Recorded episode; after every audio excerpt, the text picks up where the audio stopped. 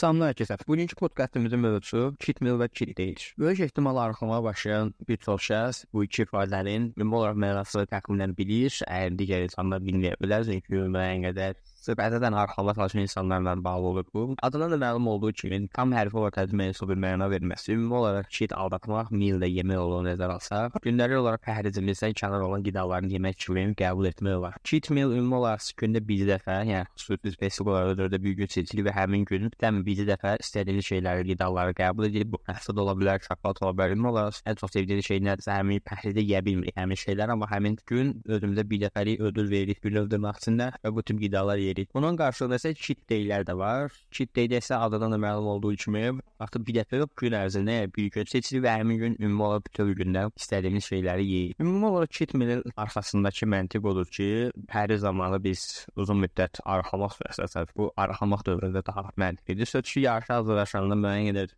krem balk eləyənlərdə də müəyyən qədər ola bilər, amma əslində arxalama çalışan insanlarla insanlar daha çox meal etməyə çalışırlar, daha çox edirlər. Buradakı məntiq odur ki, biz uzun müddət pəhrizli qida pəhrizimizə uyğun qidalar yedikdə çox sanırım bu qidalar o qədər dadlı olmurlar. Həm də müəyyən qədər bir yerdən sonra bədənimiz metabolizması həmin sürətə, həmin qidalara öyrəşir, artıq aşağı kalori qəbul etməyə öyrəşir və öz-özündə bir növ beynimiz çalışır getdikcə daha da az kalori sərf etsin gündəlik həyat funksiyalarımızı yerinə yetirmək üçün sözsüz ki, buna isə bir milyard deyilir bu kalori. E, biz treatment eləyəndə müəyyən qədər bu bədənimizin bir növ yavaşlamağını biraz sürətləndirmək üçün ona bir qida veririk, o da bir özünə gəlsin, olaraq glikojen depolarımızı doldursun və məşqə, məşqinə, məşqə də ümumi olaraq həyat funksiyalarımızda da daha yaxşı hazırlaşaq. Bir növ elə bir ən sadə məntiqlə belə fikirləşək ki, bədənimizi qidalandırır, amma birdən-birə çox yüksək miqdarda kalori. Həmçinin yüksək miqdarda kalorini ümumi olaraq da o sevdiyimiz qidalardan almaq hər zaman daha yaxşı. Mən məsələn cheat meal-də əsasən şirniyyat və hamburger yeməyi çox sevirəm. Yəni hansı ki bu iki qidanı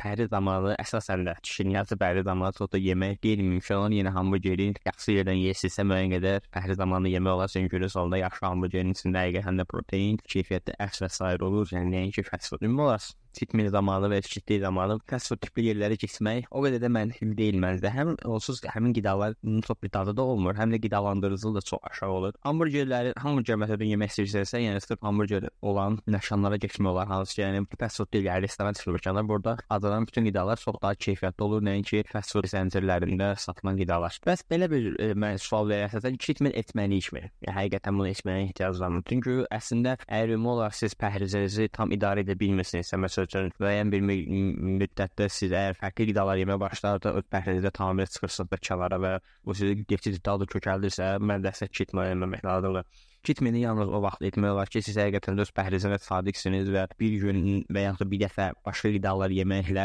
siz həmin o pəhrizdə, həmin o reisdən bir növ məlazimlərdə çıxmayacaqsınız. O da kitmen etməyə dəyər. Çünki müəyyən qədər sözsüz ki, yəni bir bəzi şeylər qəbul etmək ki, pəhrizdə olanda tam da əslində pəhriz də demək ki, pəhriz ümumiyyətlə olur qidalanma bir rutindir. Diyeta da olanda deyə arxama çalışanda ümumi olaraq bir ildən sonra sözsüz ki, insanlar mən də vaxt dietada, yəni heç vaxt var məsələn yayda arxama çalışanda, yəni insan bezir həqiqətən də.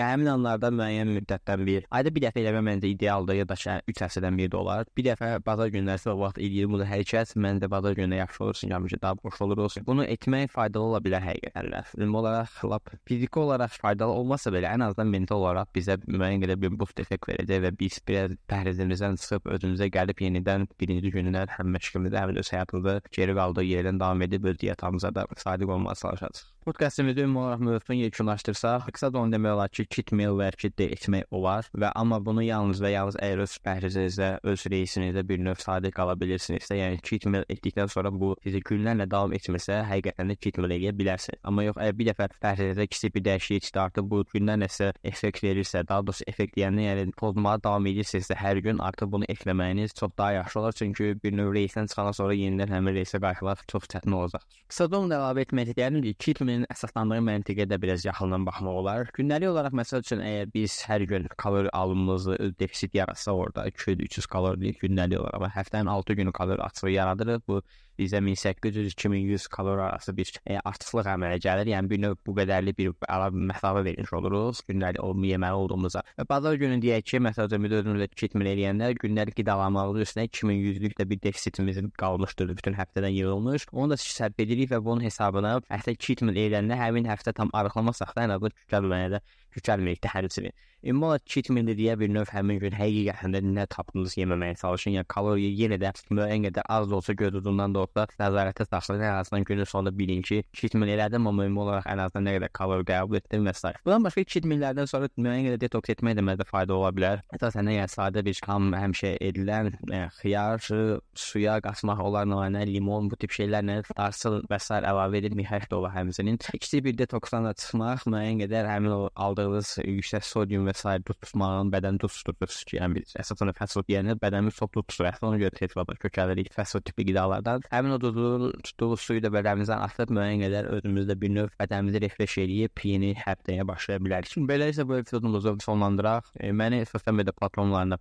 İzləməyi unutmayın. Ehtiyacınız olan bütün linklər açıqlama hissəsində və podkastın açıqlama hissəsində, həmçinin kanalda yerləşdirilmişdir. Özünüzə yaxşı baxın hələlik.